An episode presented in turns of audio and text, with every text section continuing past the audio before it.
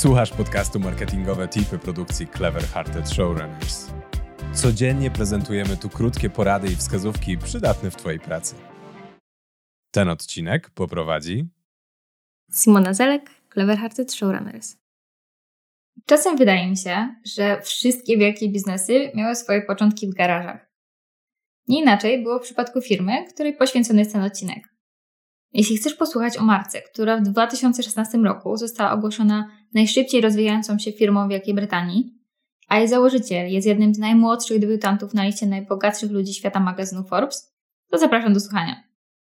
Zaznaczam, że odcinek podzielony jest na dwie części. Każdej można słuchać osobno, ale największą wartość wyniesie ze słuchania obu.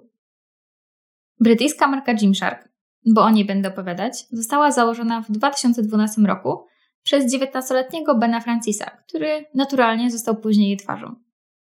Jest to prawdziwa historia drogi od zwykłego studenta interesującego się sportem do właściciela wielomilionowego brandu. Takie inspirujące historie dobrze się sprzedają w mediach i w świecie biznesu. I tak było również w tym przypadku. Jednak jego historia nie ujrzałaby pewnie światła dziennego, gdyby nie ogromny sukces, na który Ben pracował latami. Przeglądając się działaniom marketingowym, które doprowadziły firmę na szczyt, nasuwa mi się jeden wniosek. Gymshark od początku działalności był jeden krok przed wszystkimi. Sercem całej operacji była społeczność zbudowana wokół marki. I tak, budowanie społeczności to termin, którego nie można było nie słyszeć w ostatnich latach z każdej strony. Ale ludzie odpowiedzialni za marketing marki zdali sobie sprawę z potencjału budowania Gymshark Family już w 2012 roku. Zawsze podkreślali, że ich społeczność jest inkluzywna. Żeby zostać jej częścią, wystarczyło tylko chcieć. Przeglądając różne raporty, blogi i zestawienia o trendach marketingowych na 2023 rok w temacie influencer marketingu, wciąż natrafiałam na hasła jak autentyczność i zawieranie długofalowych współpracy. Szukanie stałych ambasadorów dla marki, którzy podzielają jej wartości, jest skuteczniejsze od pojedynczych zrywów i wysyłania paczek PR-owych do przypadkowych influencerów. Dość oczywiste, prawda? Na marki Gymshark było to jasne od początku. Chcieli być tam, gdzie ich grupa docelowa. A na jakiej platformie 11 lat temu gromadzili się fani kulturystyki i fitnessu? Na YouTubie, w kolekcji pierwszych wielkich nazwisk świata internetowych celebrytów. Pomysł na promocję produktów był prosty. Wysłać próbki ubrań do popularnych twórców działających w świecie sportu i poprosić, aby występowali w nich w swoich filmach. Przypominam, to był rok 2012, a takie współprace nie były jeszcze na porządku dziennym. Na odzew nie trzeba było długo czekać. Wypełnili niszę odzieży dla młodych mężczyzn, którzy chcieli wyglądać dobrze na siłowni. Niedługo potem zaczęli współpracę z innymi twórcami i tak stworzyli program Gymshark Athlete. W tamtym czasie zostanie ambasadorem marki to było wyjątkowe wyróżnienie.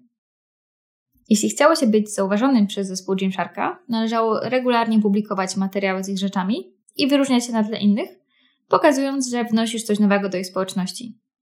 Brzmi trochę jak teraz popularny user-generated content, bo tak dokładnie jest. Gymshark aktywizował swoich fanów na długo przed innymi. Uważam, że ich marketing od początku był świetnie prowadzony i wiele innych brandów mogłoby się nim inspirować. Podsumowując, sukces we wczesnych latach działalności zawdzięczają znalezieniu i wypełnieniu niszy na rynku, medialnemu sukcesory założyciela, współpracy z ambasadorami marki i pierwszymi influencerami i budowaniu inkluzywnej społeczności skupionej wokół marki.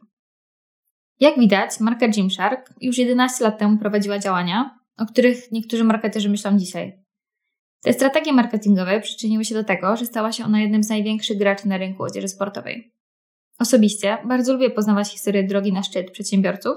Może być ona cenną lekcją biznesową, dającą nam inspirację do tworzenia innowacji i strategii marketingowych, które pomogą nam osiągnąć sukces. Jeśli 11 lat temu stosowałabyś te techniki, to miałabyś szansę na dynamiczny rozwój firmy i zdobycie pozycji lidera na rynku. Czy wykorzystanie technik, które Gymshark stosuje obecnie, aby utrzymać swoją pozycję, da Ci gwarancję, że za kolejne 11 lat będziesz tam, gdzie oni? Posłuchaj drugiej części tego odcinka, może wyciągniesz dla siebie coś wartościowego. Dzięki za wysłuchanie dzisiejszego odcinka.